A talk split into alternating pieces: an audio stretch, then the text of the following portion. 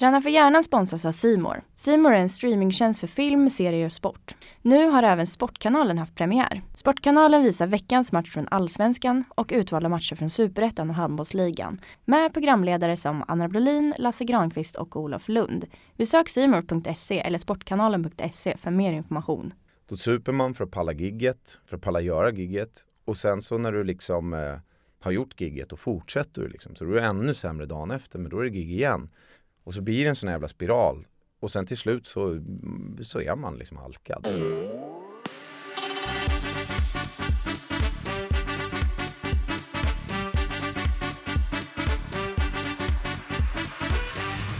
Hej och välkommen till Träna för hjärnan med Rickard Nordstrand och Johan Norén. Dagens gäst är, jag tänkte presentera dig som Jensai Hoffmaestro. Ja. Och för, vet du varför? För, Nej.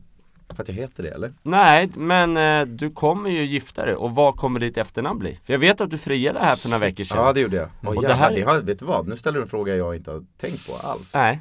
Eh, jag är ju egentligen ganska traditionell av mig så jag har ju tänkt att behålla det. Men, men jag vet att hon är väldigt mån om sitt namn så det blir väl som någon sån här modern dubbelhistoria säkert.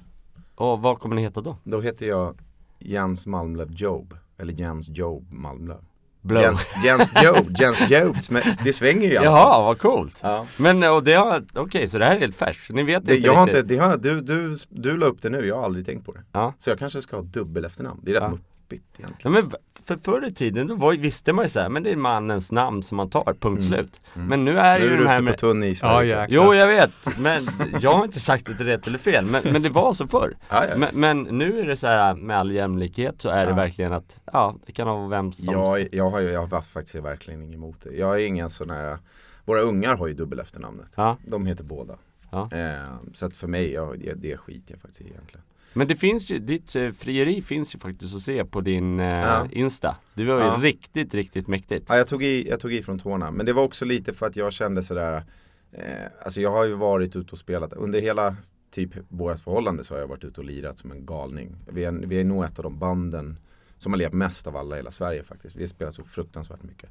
Så då är det liksom eh, Hon har Ja, hon har gjort så mycket, alltså utan henne så hade det inte gått att göra det. Jag hade framförallt inte kunnat haft, vi hade inte kunnat haft barn om hon inte hade varit så bra på liksom Ni har ändå två, en av varje. två, ja. Ja. Men det har gjort också att jag har ju fått omvärdera lite det jag tyckte var självklarheter i hur jag, jag kunde turnera och sådär. Jag har fått börja tänka över, även om jag fortfarande turnerar som en galning. Men det är ju lite också för att Ja, musikbranschen är ju så att det är så svårt att känna deg, eller stabila deg och så här ständigt kommande deg på typ bara låtarna eller på skivförsäljning i och med att den finns inte och då är det streams och det räcker inte riktigt så att man måste lira egentligen. Det är så det är. Och det, är, det är ju liksom ett, det är ett flängigt liv eh, och ju bättre det går desto flängigare blir det liksom. Jo men jag vet ju bara när jag följde med Hoffmeister i flera år och sådär Mm. och att ni eh, kör konserter nästan varje helg och sådär Men Mm. nu har jag ändå tagit på det här med Kaliffa som har blivit riktigt, Ja. riktigt höjdare Jo men det, det är ju Eh. också kul. Det är kul sådär men Men är det inte svårt att vara på två ställen samtidigt? Jo det är det ju. Ibland så kör vi ju så här, blir det ju så här trippelgig och dubbelgig och sådär. Men eh, och alltså det vi gjorde i många år var ju liksom att vi levde ganska osunt. Vi trodde att man pallade mer med eh, Alltså pallade med det mer genom att leva osunt, genom att hålla på och kröka och för att man ska orka vara gubben i lådan. Det är det som är grejen varför jag tror att till exempel mycket artister blir knarkar och super. Det är, för, det är för att orka vara gubben i lådan. Liksom. Det är egentligen inte det här med att man tycker det är så jävla kul utan det är Uff, jag vill egentligen bara ligga på en jävla soffa idag Men jag har två spelningar. Och det finns inte att jag, att jag tar dem på hakan spiknykter. Alltså det, det mycket så har man nog resonerat. Vilket gjorde att det blev väldigt hårt levande under många år. Ehm, och nu har vi väl de senaste åren verkligen försökt att, att lägga om det. Och insett att man orkar mer och man blir gladare och man blir en bättre farsa. Och det, alltså det är bara, bara positiv Ja, men det var ju därför jag kontaktade dig just för att jag har sett att du är inne i nu i en träningsperiod ja det är Jag vet ju, du har haft lite perioder när vi har tränat och Jag är så fick du, perioder är jag. Ja en perioder i, Mm. i allt Exakt. Nej men det ska, är det, det. det, det, är- det är Ja. väl kul bra, bra Men alltså jag har ganska bra träningspannben tror jag. När jag väl gör det så, så har jag inte så svårt att köra.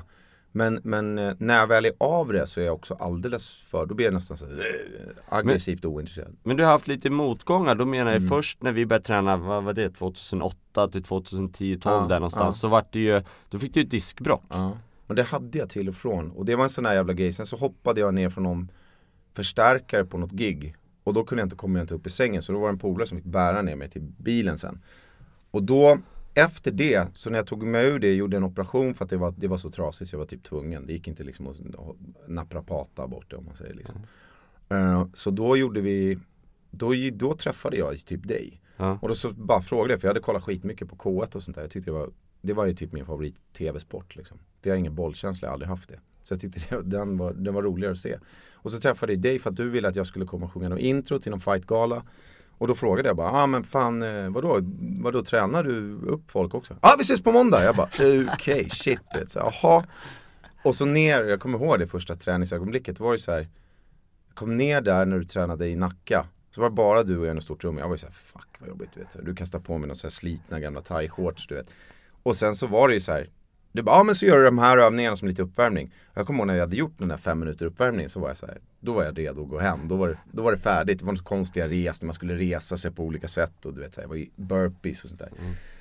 Och det var ju liksom så här, då insåg man så här, oh jävlar, jag måste liksom verkligen komma igång. Och sen så var det ju liksom så pass kul med just Thaiboxningen var ju så pass kul, eller kickboxning typ var det väl vi gjorde. Men det var liksom, det var så pass roligt så då, då, det var typ lite starten på att att liksom komma igång mer regelbundet och köra. Då körde jag, då hade jag liksom inte riktigt tränat ordentligt sen när man slutade med typ sporterna du vet, Mm. någon gång när man var fan 15 eller vad det var. Men du hade ju hela gruppen där. Ja vi körde, vi körde ju sådana här grupppass, det var jävla, jävla syn ibland. Man såg Äh. folk hade olika stilar, vissa var jävligt upprätta och vissa var Ja men det var ju, det såg ju ut som det kom ett, eh, ja det var en väldigt blandad, det var, det var, det var fina ord men det såg ut som det kom- ett gäng kom- parkbänkisar som kom in när ni kom. Nej men det blev bröderna, Ja, ja, ja, nej, det ja. var ju, nej, det var, nej, det var roligt, Men kul. det var också, det var också, det var ju också liksom sådär tycker jag. Det var ju, det var ju också en grej som hände att så när man väl började testa och sparra lite så vart det ju så här, så insåg man ju varför det är så jävla viktigt att göra sån här grisig fys. För att å, åka på smäll är jobbigt som det är. Men åka på smäll när man är trött, det är en, det är en så jävla maktlös känsla. Man är, det, det, jag vet inte, det är en av de värsta känslorna i världen tycker jag. Och kolla upp på klockan och säga bara, Uff, det, det är på riktigt en och en halv minut av stryk kvar. Och jag orkar inte ens hålla upp händerna.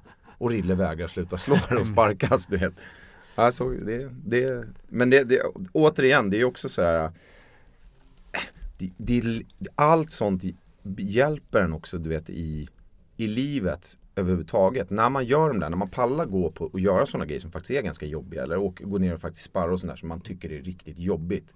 Så blir typ allt i livet lite lättare efter det.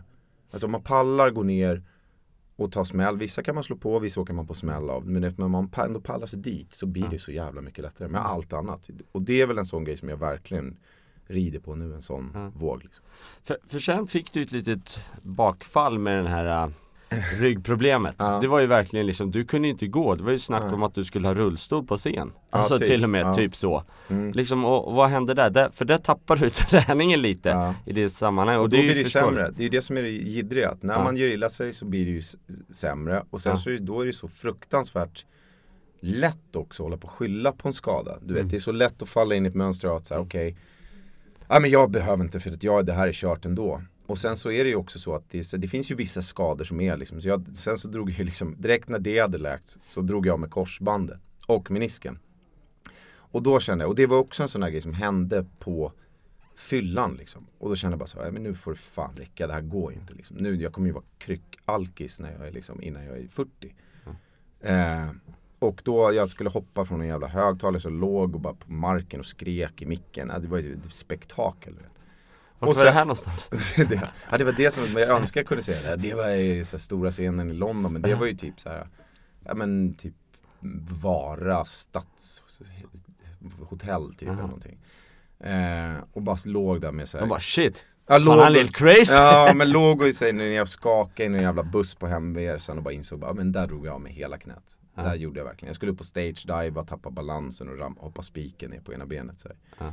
Det var lite det, efter det så vart du rehab och därifrån har ju faktiskt du skött Ja. träning vad jag Ja, förstått. Ja. Men rehaben var ju också en sån här grej som så här, för då, var, då fick jag ju liksom som en typ läkare och en sjukgymnast som spände ögon i mig och sa liksom "Ah, okej men du har två val nu i stort sett. Med en sån här skada i din ålder, antingen så liksom blir du typ skadad för livet eller så gör du bara exakt som vi säger hur tråkigt det än är liksom.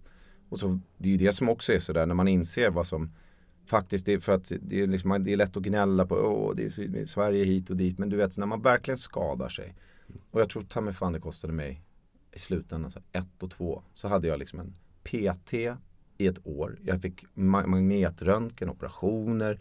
Du vet det var liksom så här man bara insåg så här, "Uff, det finns ändå det finns ändå ett jävla skydd för det. Bra sjukvård. Och, ja, bra sjukvård och, och man får hjälp om, och då kände jag så här, fan nu måste jag verkligen ta tag i det. För jag fick ju liksom gå ute på Sofiahemmet och vi började ju liksom med såklart kissande hunden och där pisstråkigt tjafs i Ja men du vet, rehab är ju inte kul, du har väl också rehabat ja men det har jag gjort, men, men eh, och det är ju liksom, det, det är ju en sån här grej, där är det ju verkligen så här, uff, nu måste jag förmå mig att gå och göra det.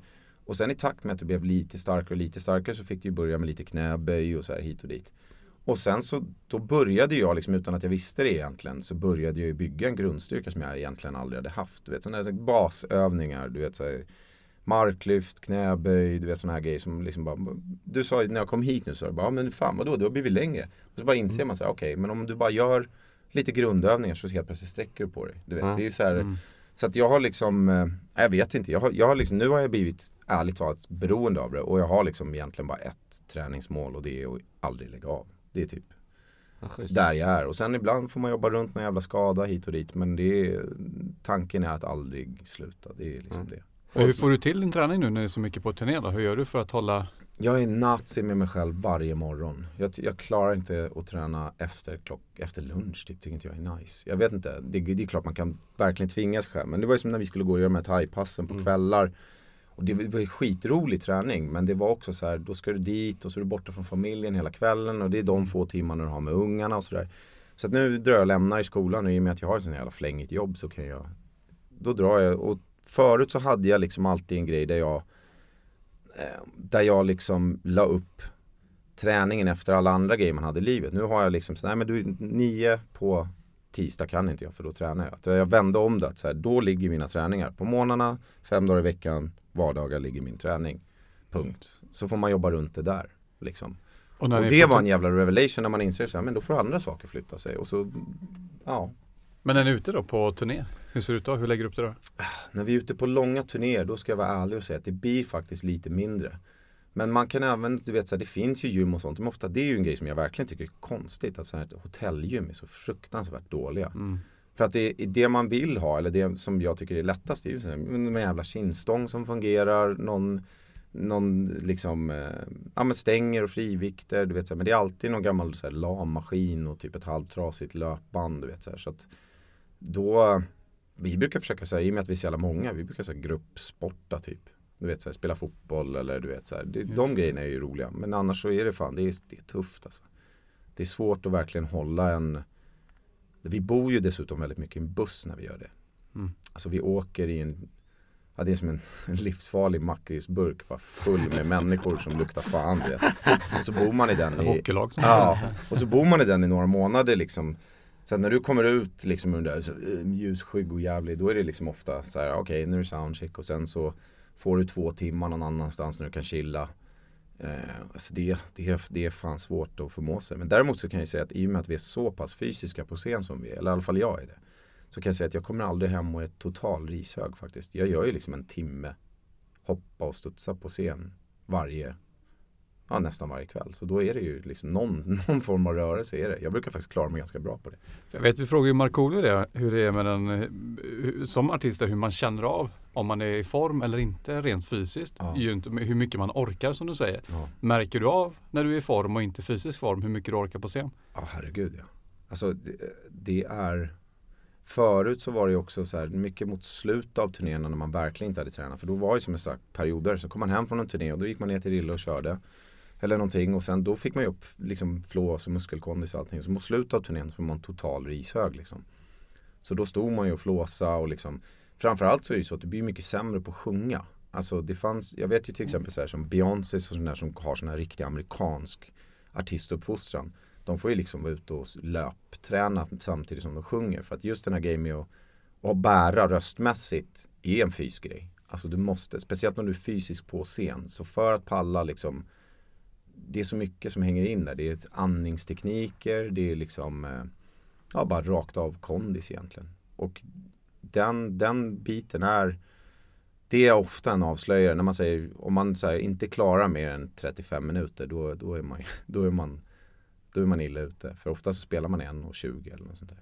För det vet jag om man tittar på en legendar, eh, Jerry Williams, Mm. som håller ett jäkla tempo på Alltså, jag scen. har hört att han bara tränar armar. Jag vet inte om det Är sant. så? Men jag tänkte fråga om du vet nu, för han ju, verkar ju vara Nej men jag vet att han, otroligt trä stark. han tränar. Ja det vet jag. För Han att orka tränar. hålla sånt sjukt bra tempo. Våran gamla busschaufför eh, han, han hade åkt med Jerry Williams.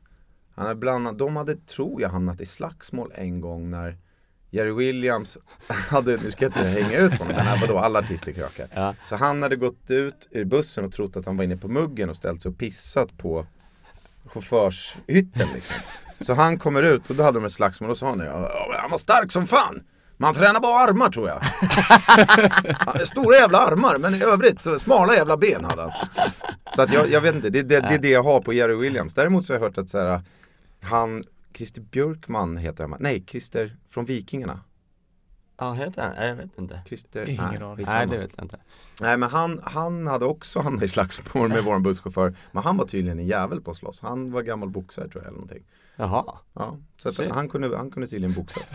Vem är busschauffören då? Som... Han som bara startade fight. Jag har faktiskt varit nära att hamna i bråk med honom också. Jag, nej, jag har varit nära på att hamna i bråk med honom också. Han är, men han är, han är Eh, ja, nu vet jag inte vilken del Nej. av Jugoslavien han kommer ifrån Men han, han var jugge som liksom Som var ganska Ja, Kunde vara ganska sträng du vet så här. Men, han, men det, det, han var en rolig jävel men, det, men han var absolut sådär Om någon höll på att jävlas med hans buss så kunde det bli Kunde det bli stökigt liksom Men vi vänder på det. Har du sett någon artist som, det, som, som du ser inte orkar eh, sjunga för att man har för dålig kondition? Ja gud ja Där Jag man, vill inte hänga ut någon med Nej namn men det, liksom att man ser ett tydligt samband mellan kondition Ja. och bra liksom, scenframförande ja, ja, hänger ja, ihop. herregud ja, ja herregud. Men också så ser man ju också de, många av de som har dålig kondition eh, Är ofta också fulla på scen. Alltså du vet så här, ofta så är det så att man har Ja men det är det där jag säger, den här gubben i lådan faktorn Tror jag är det som gör att de flesta blir i dålig form. För att då är man uppe liksom och Då super man för att palla gigget, för att palla göra gigget. Och sen så när du liksom eh, har gjort gigget och fortsätter du liksom Så då är det ännu sämre dagen efter men då är det gig igen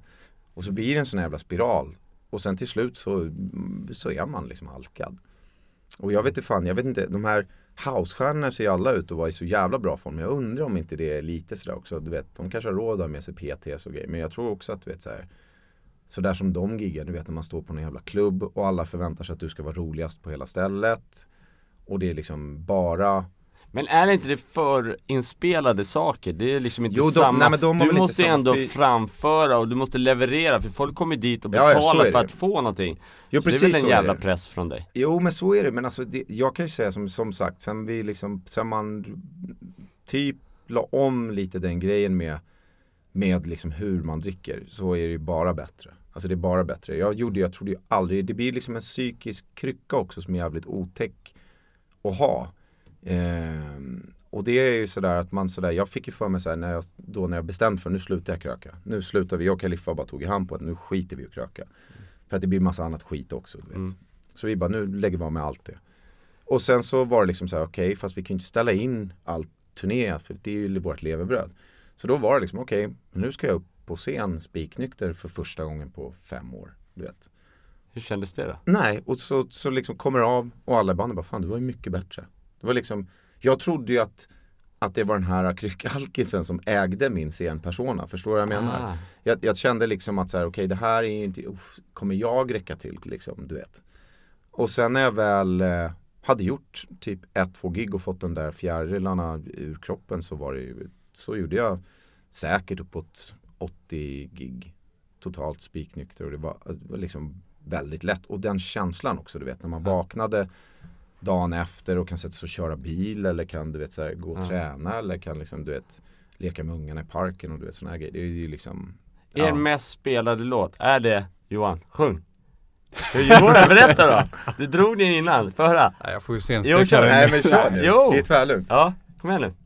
Hur går den? Jag hänger på Men jag får ju hjärtklappning nu Ja, på men- riktigt. jo, men jag, det måste, ju- bra. ja, men jag måste ju tänka efter vilken var vi pratade om överhuvudtaget. Highway Hur gick den? Det gick så fort. Ja Jag tänkte på en sak angående Nej, Han är som en politiker, varje gång vi pratar, så, så, när jag ställer en fråga, men- då bara svarar på något helt Rickard, annat häng med nu. Ja. Det finns ett klipp på dig tänkte jag på när jag tänkte på den låten på Ja. Youtube. När du är i Thailand och tränar. Har du tänkt på det? Jag, jag messade en gång när du körde på Tiger Gym, när du kör boxning och det går fort så in i. Du, har, kommer du ihåg vad jag pratade om det? Ja, När du slår vänster och höger och man hinner inte med.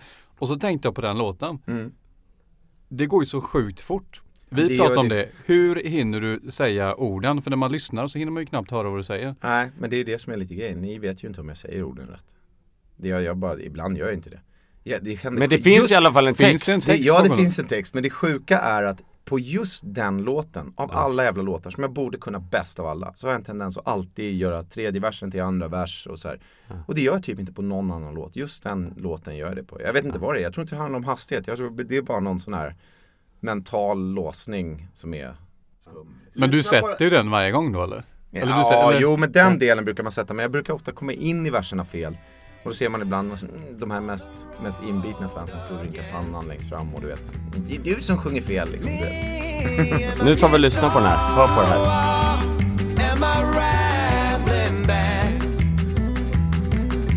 Staring at the road, steady getting blown, carrying my load, cause I know I gotta go my way.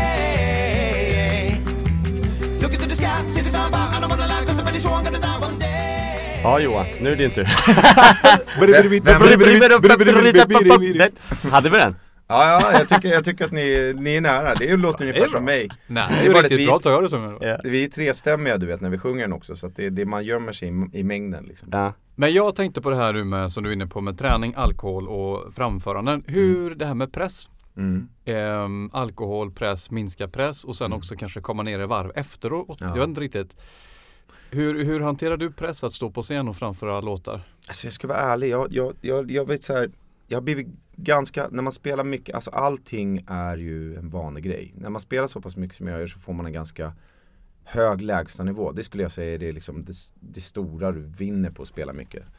Eh, vilket gör att jag väldigt sällan tvivlar på huruvida jag kommer klara det eller sådär. Eh, men däremot så var det ju så som jag var inne på tidigare att, att, liksom, att alkohol har en tendens att bli liksom en, en mental krycka. Du vet att den liksom den hjälper dig mer, det är egentligen inte nervositeten man vill bli av med utan det, det kan det ju också vara om man ska spela på någon jättefestival så kan det vara skönt att ta två bärs och stilla nerverna. Det är absolut, så är det ju. Men, men det är den, det man använder det till, eller tror artister använder det till mest. Det är som jag sa, att ju mer bättre går desto mer spelar du. Ju mer du spelar desto mer fler dagar per år förväntas du vara liksom på topp. Och det är en grej som är, det är ingen människa som är det. Liksom. Det är inte ett normalt tillstånd för en människa att alltid vara rolig eller glad. Och speciellt som att vi har haft mycket, ganska mycket yngre fans. Liksom. Du vet, så de är 18 så de förväntar sig att jag ska ha en jävla fest för dem. Du vet. Och det är man ju inte alltid. Du vet. Så då, då blir det lätt hänt att man, man krökar helt enkelt för att palla vara gubben i lådan. Liksom.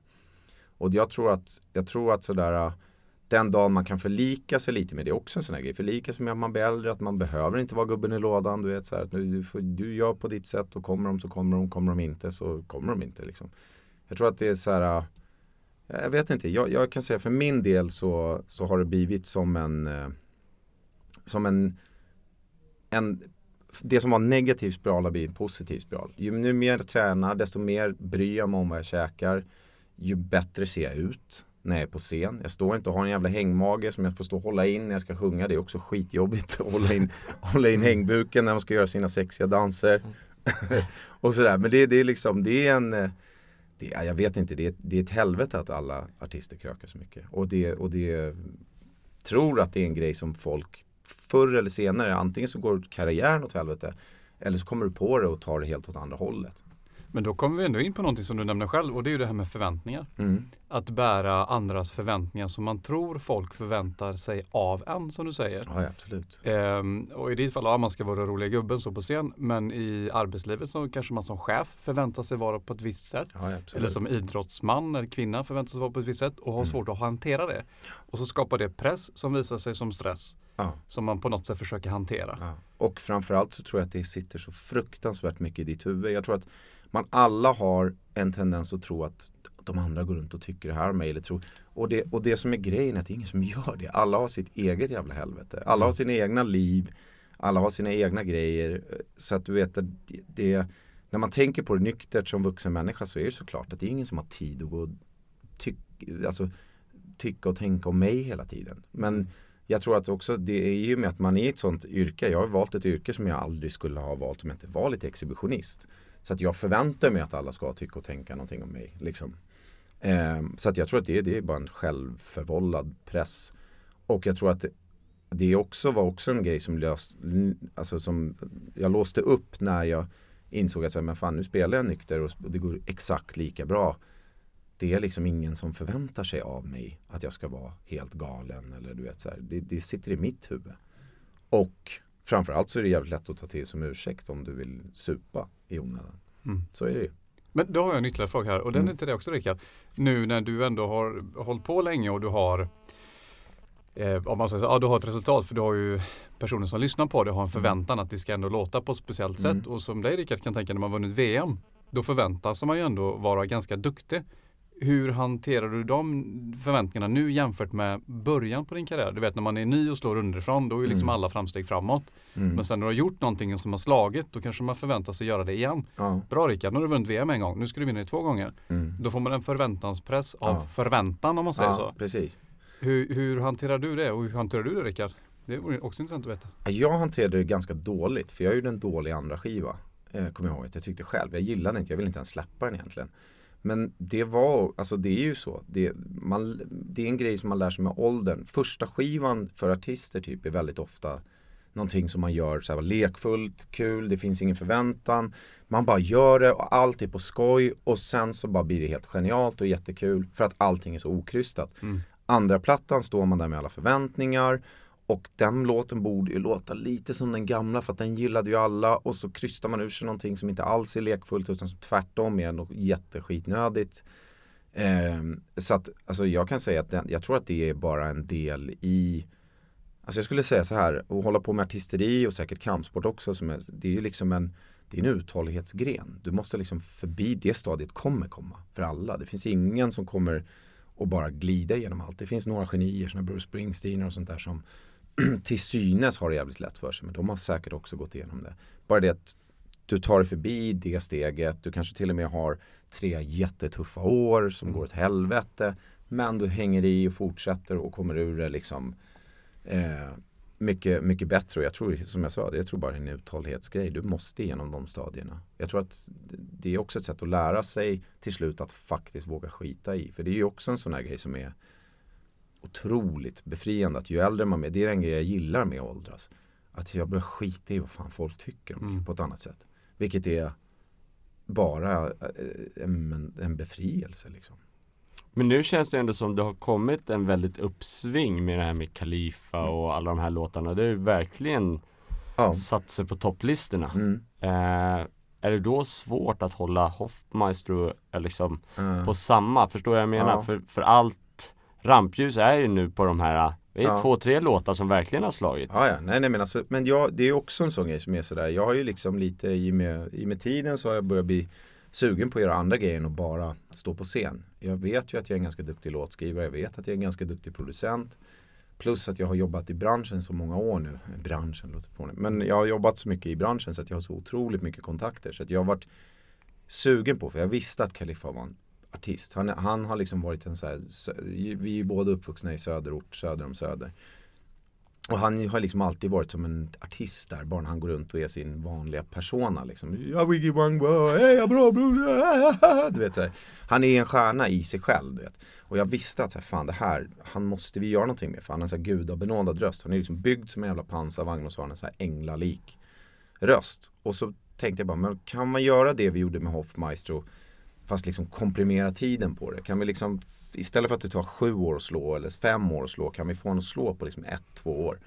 Och så började vi göra låtar och framförallt så försökte jag ratta liksom då, han har ju såklart varit en enorm eh, drivande kraft i hela sin egen grej. Men också jag försökte hela tiden att vara där lite som en sköld för att han skulle bli inlurad i dåliga kontrakt som jag blev eller eh, du vet bara göra dåliga beslut, hamna i fel media eh, hamna i bråk med media vilket är jävligt lätt att göra speciellt idag. Sverige är ju liksom lite av ett minfält. Du kan ju säga någonting någon gång som uppfattas si av den och så av den och sen så är du mitt inom mediastorm. Alltså det, är, det är ganska svårnavigerat att vara en offentlig person och göra rätt hela tiden. Mm. Det är därför också folk blir så jävla strömlinjeformade och tråkiga tycker jag. Men det men det är, det är en annan fråga. Men däremot så var det ju det. Jag ville se, kan vi, kan vi ta ner tiden för honom att slå? Och det kunde vi. Och det var så här Ja, som jag sa, det är liksom en uthållighetssport. Det var så här, shit, ja men jag kan ju faktiskt det här. Vilken var den första låten? Det var Det strålar från dig Hur du rör dig, hur du för dig fram Och det var ju för att jag och Kaliffa hade liksom börjat åka runt som så DJs Eller jag var DJ och Kaliffa stod liksom och ah, wiggy wangwa och så var det såna här vi hade ju inga låtar utan vi åkte ju bara runt och hette typ såhär Jerry Hoff och Kaliffa och folk och så var det såna olika då småkrogar som bokade oss och så till slut de bara, men vadå, ska ni inte sjunga någon av era låtar? Vi bara, vi har liksom inga låtar. Du vet, de bara, vad fan, vi har ju pröjsat för det här. Och då kom jag på, bara, men hörru fan, vi måste göra en låt. Och så gjorde vi en låt som gick bra direkt. Och sen gjorde vi en till och en till och en till. Och nu så, så hade vi liksom eh, vår första listetta i Sverige med Vilken är det? eh, Den heter Helt Helt seriöst. naturlig, riktig ting-ting Helt seriöst. Abo vad du är skön. Ingen photoshop och bling-bling Helt naturlig, riktig, real ting. Helt seriöst. Vad gör du med din gud? Du har riktigt, riktigt timing Jag bara, vad är det för? kommer Seriöst, ingen photoshop och bling bling. Hey, ett naturligt, riktigt, ting. Och när du säger etta, hur många lyssnare har man då? Han är uppe på nästan 19 miljoner streams nu tror jag. På bara några tre månader eller någonting. Så Wow. det, det är typ, jag tror faktiskt att det är sommarens största svenska låt. Det är mycket möjligt att Axwell och Ingrosso är med och slåss. Men det, är- det är de. Typ. Shit. Och det, då får man ju säga, då har han ju, Grattis! då har han ju Wow. hamnat i ett, i ett riktigt stort sällskap. Ja. Och framförallt så är det så jävla kul också att se, du vet sådär, han när han Johan, började- varför tog vi inte, vi tog ju helt fel person, det är Kaliffas Det är Kaliffa visst det. Nej men det, han, gjorde, han, gjorde ju, han gjorde ju faktiskt en jävla cool grej. Han började liksom så han jobbade på ett kakellager och sen så Han och jag hade gjort låtar i Hoffmeister och sen så sa jag till honom bara, men hoppa Hoppa med nu så kör du lite och så spelar du för han och jag hade liksom känt varandra så länge. Så började han spela och sen efter något år så kunde han sluta på kakellagret och nu är han liksom etta i Sverige och går som tåget. Så det är bara så här det, det, det är också en liten fin så här, grej att se att det går faktiskt göra. Men han verkar ju komma hem hos alla Det spelar ingen roll vilka kulturer eller Ja, nej.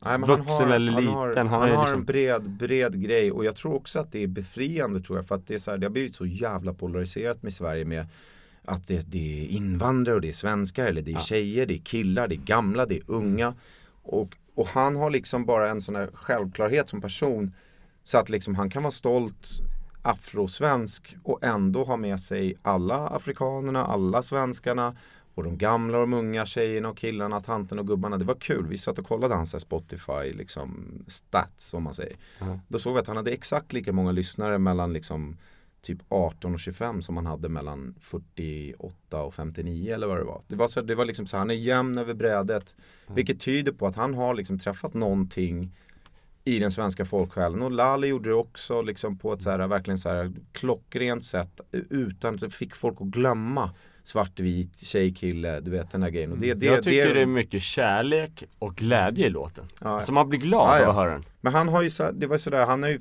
han har ju, vi är ju såklart jättemycket polare som är rappare och sånt där. Och du vet han har varit jävligt mån om att ibland ringer de och vill säga men kan inte du komma och sjunga? Bror, var med på den här låten.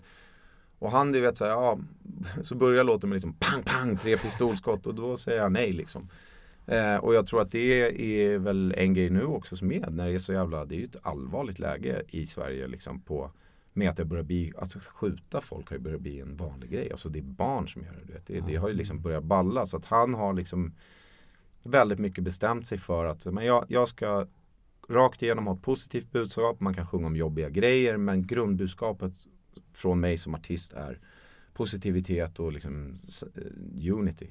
Och det tror jag, det tror jag när man gör det och det verkligen känns och det syns och det, och det är uppriktigt så, så ja, det hittar in i, i svenska folkhemmet liksom. Det är skitkul verkligen. Det är, vi, är, vi är alla jättestolta över projektet och det pekar bara uppåt så vi, vi, vi kör på. För de som lyssnar nu men inte känner till dig riktigt, men Mm. de kommer känna till dig efter det här avsnittet. Men eh, för att gå tillbaka till tiden, hur, eh, hur kom du in på musiken? Jag började när jag var, alltså jag, jag hörde Guns N' Roses Paradise City när jag var typ sju tror jag. Brorsan kom hem och spelade den låten. Och det var liksom bara så här som att jag bara golvades. Jag vet, det var så här bara Det var bara en sån här Vad fan var det där? Och så spelade jag in låten på ett så här 90 minuters band vet man hade så här, ja nu låter jag som riktig dinosaur. Men- 1987 är vi tillbaka på nu. ja, exakt. Och då hade, vi, då hade vi liksom ett sånt här, du vet de här banden då när det gick som ett faktiskt magnetremsa. Och jag spelade in låten, tror jag, på två hela sådana där sidor, bara om och om igen efter varandra. Så bara satt jag, hade den på loop typ. Och där någonstans så bestämde jag mig när jag började se bilder på liksom Slash och Axl Rose och de bara okej men det är det där, det där ska jag göra liksom. Då var du sju år. Ja, men och då, då, då, fick du redan då en bild av att det här Ja. ska jag göra. Och sen var det ju jättekrokig väg fram liksom, absolut. Men jag började ju liksom då på, när jag var 12 så, så började jag spela trummor i något punkband och sen så kom jag på att man fan här syns jag inte, jag sitter ju här bakom trummorna liksom. Så jag måste fram och sjunga, så då började jag sjunga. Och sen höll jag på att rappa ett tag, men sen jag höll, jag höll mig, jag hållit mig på scener sen jag var 12 i alla fall skulle jag säga. Jag vet inte hur många år det är nu, du är kanske mattepojke, men det är Mm. inte, en rille. Eh, vi kommer tillbaka efter pausen. Ja, nej, men jag, nej men sen dess har jag stått på scen och sen så liksom började man spela i småband och sen så började man eh, spela in demos och jag upptäckte att jag var bra på scen upp till. Jag hade, jag hade liksom lätt för att, för att ta en publik på något sätt. Det, det upptäckte jag tidigt att jag var bra på. Så, så då liksom gjorde jag det mycket, spela live mycket liksom. Men du har tagit lektioner med gitarr och trummor och Jag gjorde några, gjorde några halvhjärtade försök med gitarrlektioner men det är också den där grejen med att eh, det är ju liksom det- är en annan del av gamet om man säger. Det är ju alltså det, är det här som många av mina musiker jag spelar med. De är ju otroligt mycket bättre musiker än vad jag är. De kan liksom De satt i sin ungdomsår medan jag var ute och jagade tjejer och höll på och levde rövare så satt ju de i kammaren och övade skalor och fattar, fattar teorin bakom musiken och matematiken bakom det och sådär. Eh, och det var jag alltid liksom, det var jag alltid ganska ointresserad av. Men sen tror jag att det som var så lyckat för oss med Hoffmeister till exempel, det var att vi var eh, tre mer eller mindre oskolade musiker som skrev musiken och sen så hade vi proffsmusiker som kunde framföra det. Eh, som bidrog då med sin, sin, allt sitt kunnande och alla sina år när de satt på kammaren och gjorde skala vilket gjorde att vi kunde liksom lyfta allting och hade fortfarande någon slags då, vad fan ska man säga, någon med så oslipad punkighet i låtskriveriet men också även en liksom jävla proffsiga musiker som kunde lira det. Och det vart en lyckad symbios typ. Men såg du, såg du det framför dig, det som du upplever nu? Lever du din dröm om man säger så? Alltså den är väldigt annorlunda mot vad man trodde. Alltså jag, det är som alla andra så trodde jag att jag skulle bo i skyskrapa och åka Paris jul till jobbet. Liksom. Du vet, så här, att det, det är bara flärd. Det man inser så här, nu det är så här, ja, jag, jag liksom så här, om inte jag verkligen, verkligen krigar då har inte jag en semester. Jag måste verkligen liksom så här, kriga in eller att någon tar beslutet om att här tar du semester, annars jobbar jag jämt. Och det är det man inser att det är så här, det finns den här grejen med att du skulle sitta på någon så här eh, ö med en parasolldrink och så här, det är rockstjärnelivet. Sen går man upp och spelar lite på scen. Det är inte så det ser ut. Utan du åker ju runt och spelar hela tiden. Eller så sitter du i studion eller så håller du på och lägger upp turnéer eller pratar. Och ju mer du liksom vill ha kontroll över din karriär, vilket jag tror att väldigt många artister har börjat lära sig efter alla år av blåsningar, du vet med dåliga kontrakt och grejer. Jag skrev ju bort jag tror att om första skivan har dragit in, som jag skrev ganska, men jag skrev lite med tvillingarna, men jag producerade hela skivan själv i typ ett sånt här stort rum som är nu. Och säg att den har spelat in kanske så 11-12 miljoner kronor så har jag kanske sett, ja men du vet, 250 000. För att jag liksom var ung och jättesugen på att göra det, skrev på något och bara tog en hundra lax i handen som jag såklart brände på en månad eller två. år. vet. Att det är liksom, och, det, och det, jag tror att det är den grejen som nu man ser så här, de här unga teamen i Sverige, Men speciellt med rapparna tycker jag är väldigt bra på det. Förr i tiden var det liksom, punkarna var jävligt duktiga på det. De har en sån här egen, gör det själv mentalitet, en klipp och klistra mentalitet. De är liksom inte alltid inbjudna i finrummet där liksom ja, men Sveriges popartister är med stor skivbolag och sådär. Utan de får liksom ofta lära sig, men hmm, har jag någon polare som är bra på att göra typ flyers? Okej, okay, ja men då kan vi sätta upp en egen show och så går man till någon och så försöker man sätta upp en egen show. Så helt plötsligt lär du dig räkna på eh, shower, du lär dig räkna dina streams och fatta vad det översätts i pengar, du lär dig fatta vad en video kostar. Eh, och du vet, så du, du lär dig jobbet mm. underifrån från scratch och då, då tror jag att du har en så jävla mycket större chans att överleva. För att det är ju som i alla andra liksom, affärsgrejer så är det ju så att du vet när alla tjänar pengar så går det bra. Mm. Och ju mer du kan räkna på till exempel ett gig så att arrangören får tjäna pengar, du tjänar pengar och alla tjänar pengar. Då, då kommer du ha en lång livad karriär. Så att det är verkligen sådär den där klipp och klistra grejen tror jag är enormt viktig. Jag tror att det är också sådär därför är det så få av de här till exempel Idol artisterna som verkligen överlever. Du kan ju nästan räkna dem på fingrarna. Det är Danny och det är några till liksom. Men det är för att de liksom hoppar över det där första stadiet och har någon annan som gör det åt dem. Och sen när du inte är riktigt, du vet, en vinst längre, då blir du skrotad. Och då står du där utan något kunnande och så byter du manager 17 gånger och ingen kan mm. hjälpa dig för att det, du vet, det är du som måste veta hur man gör i slutet.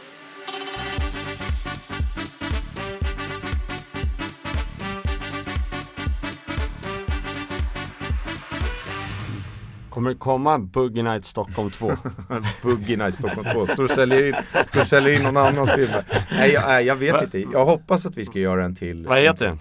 Den heter Stockholm Boogie Ja det var ju nära i alla fall Ja, på Boogie Nights är ju en av de fetaste filmerna som har gjorts Tycker ah. jag Den, den det är, vad heter det, är den här när han är porrstjärna ju du har inte ens sett den? Nej, jag bara, jag kände igen namnet. Ja men det är när Mark Wahlberg, ja men det, den är, ja. jo men det, jag hoppas att vi ska göra mer film. Det är bara det alltså. Men den, det är en kultrulle den. Ja men den blev är... lite så en generationsfilm för oss. Men vi visste ju inte vad vi, det var där återigen. Hade vi gjort en rulle nu så hade det säkert varit mycket mer krystat. För att då var vi typ 24 bast och vi är ute på Gotland och så wow, har så charterhäng. Och så har tvillingarna då skrivit som ett treatment vilket innebär typ 30 sidor text om en film ungefär. En snabb eh, berättad historia typ på 30 sidor. Och så står vi där ute och så ringer hon producenten och bara ah, vi står på Gotland nere på beachen typ. Han bara ja men eh, du eh, vi fick loss 10 miljoner här så att ni, ni kan göra filmen. Vi börjar filma om tre veckor. Och vi bara ja! Du vet, bara stod och hoppade i du vet, Visby bara nu jävlar! Du vet. Och sen bara men shit vi har ingen manus. Vi, bara, vi, har, vi har ingen film. Och herregud, och då kom paniken. Liksom så här, du vet, vi ska filma med ett stort team och det är då när, när folk kastar på en sån här pengar då blir det ju press på riktigt. Mm. Då är det ju sådär, då står det ju folk som kostar löner som måste ha något att göra. Om du inte har det då, då är det ju, då är det ju svartlistat för evigt. Så då var det typ, då ställde vi oss och liksom bara hittade på Typ stod och improviserade jag och han då, Erik Johansson som spelade Jerka. Eh, vi var gamla vänner allihopa på riktigt och så började vi liksom bara jamma med varandra och så bara skrev vi ner det och så bara men det här får vi, nu kör vi liksom. Det vi hade i tre veckor, vi hann inte skriva om någonting.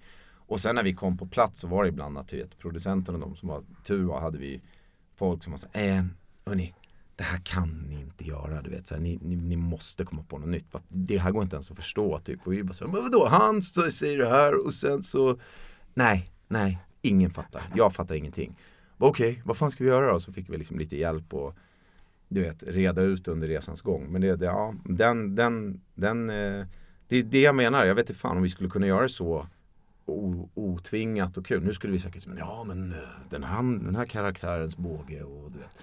Sitta och linda in oss i, i svåra grejer. Men det, alltså film är sjukt roligt att göra sinnessjukt. Du har ju varit med och gjort film. Men, mm. men jag vet ju att uh, tvillingarna de gör väl lite film, eller musikvideos ja, de, åt er? Eller? Ja vi gör ju mycket musikvideos. Gör vi. vi filmar ganska ofta och vi liksom, musikvideos är ju ganska bra sätt att lära sig. För att du ska, du ska vara säljig och intressant i typ tre minuter.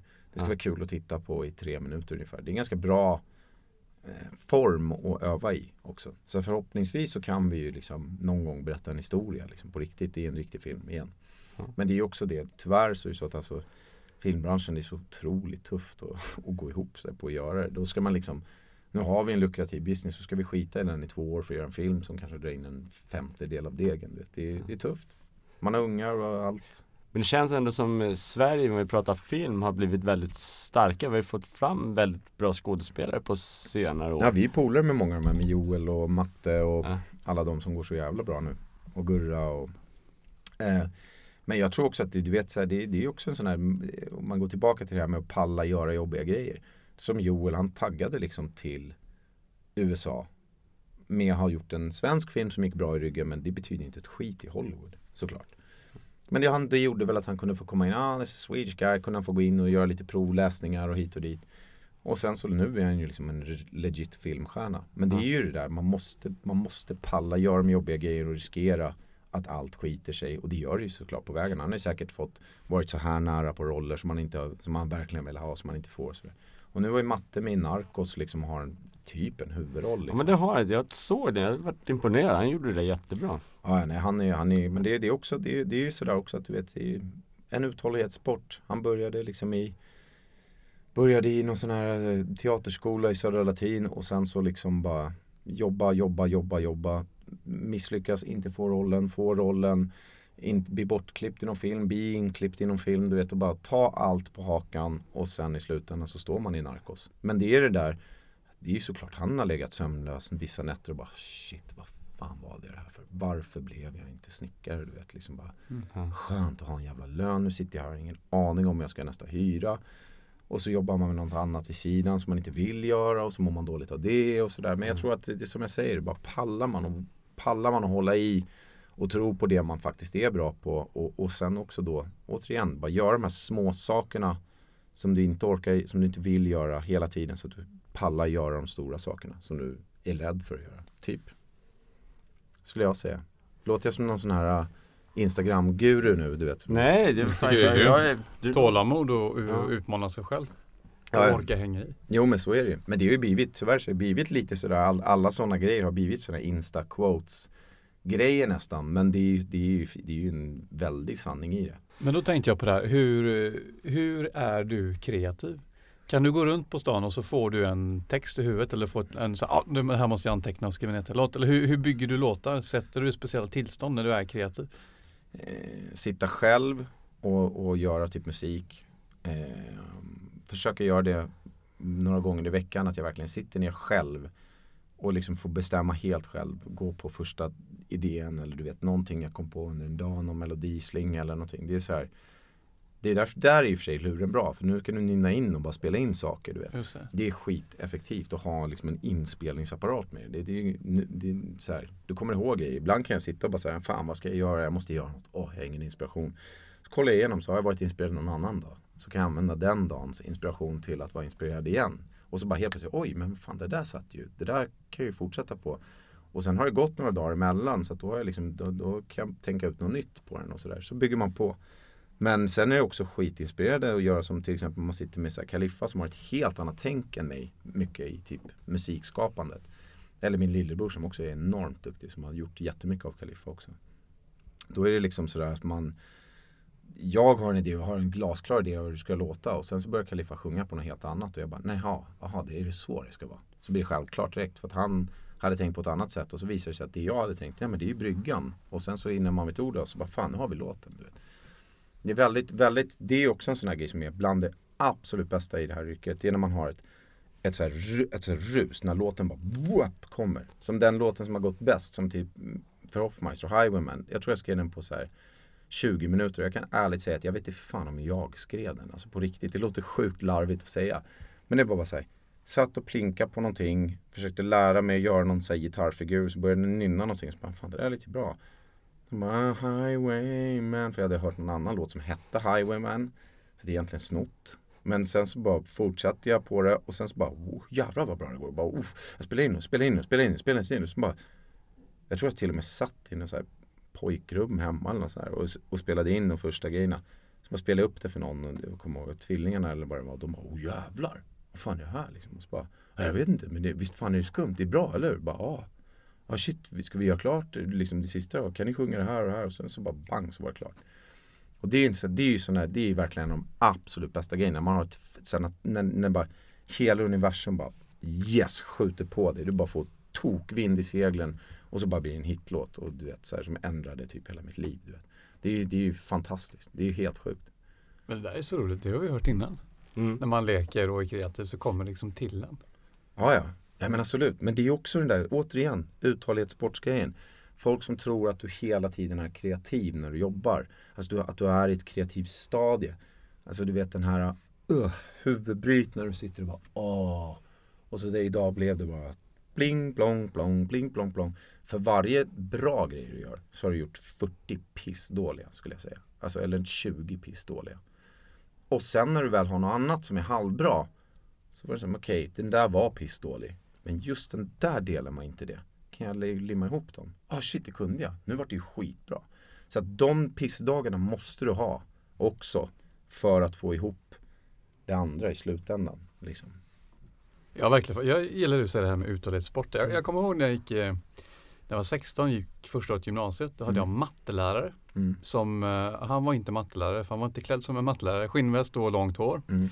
Och så pratade jag med honom och han sa det att eh, han hade en dröm att han skulle bli musiker. Mm. Och så efter jag tror någon månad så, så gav han mig ett eh, kassettband Mhm. som hette Glory to the Brave. Mhm.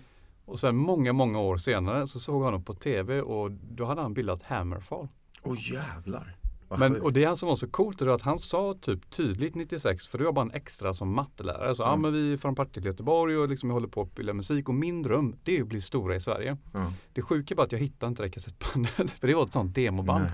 Shit vilken grej Men de slog ju verkligen sen. Jaha, Just det här med drömmar tänkte jag Ja, på. Och det tycker vi, eller jag och vi är roligt att prata om. Hur, om man nu är på ett ställe själv och lyssnar på det här där man absolut inte lever sin dröm. Mm. Där man känner att Nej, men jag är på helt fel ställe och skulle heja helst vilja göra någonting annat. Mm. Vad har du för tips där? Hur skulle man kunna bryta sig loss ifrån någonting och, och starta något nytt? Återigen, små sakerna. Börja inte med den stora förändringen. Börja inte med att försöka och ändra allt på en gång. Det, alltså, det finns ju få som klarar det såklart. Som klarar bara, nej nu slutar jag på jobbet, nu säger jag upp mig, nu gör jag något helt annat. Du vet. Men, men jag skulle bör, alltså börja med små saker. Börja med att du vet, så här, typ gå och göra det där träningspasset du inte vill göra. Eller börja med att göra, alltså ta det i små steg för att du kommer naturligt att hitta en liten rebell inom dig som pallar göra saker typ. Eh, för jag tror som sagt med stora förändringar att kasta om sitt liv. Det hör man ju ibland om att folk har vågat göra det och blivit jätteframgångsrika. Det är ändå ganska få tror jag som klarar det och det krävs otroligt mycket mod och skit som man måste funnits där från början. Men om man är på en plats i livet där man verkligen inte vill vara och är och är liksom inte får arslet ur vagn och det är, man hamnat i någon slags ekorrhjul. Så, du så börja med att göra bara de små, små grejer som du kanske inte vill göra. Liksom. Eh, men du vet, så här, om du till exempel då vill hålla på med, säg musik för sakens skull. Palla då och kontakta någon. Bara, börja med någon liten grej och kanske kontakta någon på nätet som också Nu finns det så jävla lätt att kontakta andra som kanske sitter i samma situation. Sätt er ner en gång, det är jättekrystat att träffas och spela gitarr ihop eller vad fan det nu kan vara. Men om man har gjort det en gång då är det liksom ett litet steg närmare och så tar du de här små myrstegen hela tiden och sen när du vet ordet av så kanske du har Hammerfall eller liksom Hoffmeister eller vad fan du nu vill göra. Liksom. Mm. Men jag tror att det är väldigt svårt att kasta om sitt liv efter, efter en dröm. För de, flesta, alltså, de flesta drömmarna är ju typ ouppnåeliga. Alltså hur många gånger man inte själv legat och trott att man, så, ja, men, uff, man tänker att man är Zlatan på någon jävla arena och har precis gjort mål i VM-finalen. Alltså alla har väl någon form av Mm. sådana drömmar liksom, som är typ orealistiska. Liksom. Men att börja med den är ju väldigt tufft. Vad börjar du då? Liksom? Men däremot om du liksom då, fan, ja men okej, men jag ska våga gå till en fotbollsträning någonstans. Det är det jag måste lyckas med. Jag ska liksom, okej, jag ska gå dit, sätta mig i ett omklädningsrum med massa folk jag inte känner. Jag behöver liksom lyckas med liksom den lilla grejen som nummer ett. Och det tror jag det är, bara, det är så man måste göra. Det är, det, direkt, direkt gå på det stora är för tufft och för svårt och kräver så jävla mycket. Vart kommer man se er härnäst? Vad är nästa stora grej? Får vi ta upp schemat här? Nej Ja. men jag tror, jag och Kaliffa är ute och åker hela tiden. Vi, vi spelar året ut med Kaliffa. Eh, Hoffmeister sitter in och skriver ny musik så vi kommer släppa ny musik relativt snart tror jag. Vi har en jävligt rolig video på G till den också. Eh, men, eh, men sen så kommer vi väl att, vi, Hoffmeister spelar i vår. Mm. Kaliffa spelar hela hösten och sen spelar vi hela sommaren blandat skulle jag tro. Vart kan man se er någonstans då? Vart ni spelar? Uff, jag skulle tro att med Kaliffa så ser man det nog bäst på hans Instagram. Som Mm. är official Kaliffa eller Kaliffa official. Och Hoffmeister ser man nästan också bäst på min Instagram. Jag är dålig på att lägga upp vad vi ska spela, ibland så glömmer jag Ja. det. Men, det, men det, Anna, ja, det är nog där man ser det enklast. Ja. Mm. Grymt, då får vi önska dig lycka till Jensan och eh, håll i träningen för nu ser du riktigt, riktigt bra ut Ja, i ja, kroppen. fan, det börjar liksom bli, bli, bli, lite, bli lite så här så att han har gått ut och startat Ja, bråk. ja, ja. Nej, Nej men nu är faktiskt bröstkorgen större än eh, magen. det, är, det, det, det är precis den, det är precis den man verkligen, det, det är faktiskt den looken som är den farligaste. När höfterna är bredare än axlarna, då, är man, då, måste man, då måste man göra de där lilla små stegen mot förändring. Eller när man äter och spiller och fastnar på magen Ja. ja. på bröstkorgen. Eller när man Ja. inte ser jarren eller, det finns många, det finns många indikatorer där ute. Nej, grymt. Tack snälla att du Stort tog dig tack. tid. Grymt. Tack själva. Tja.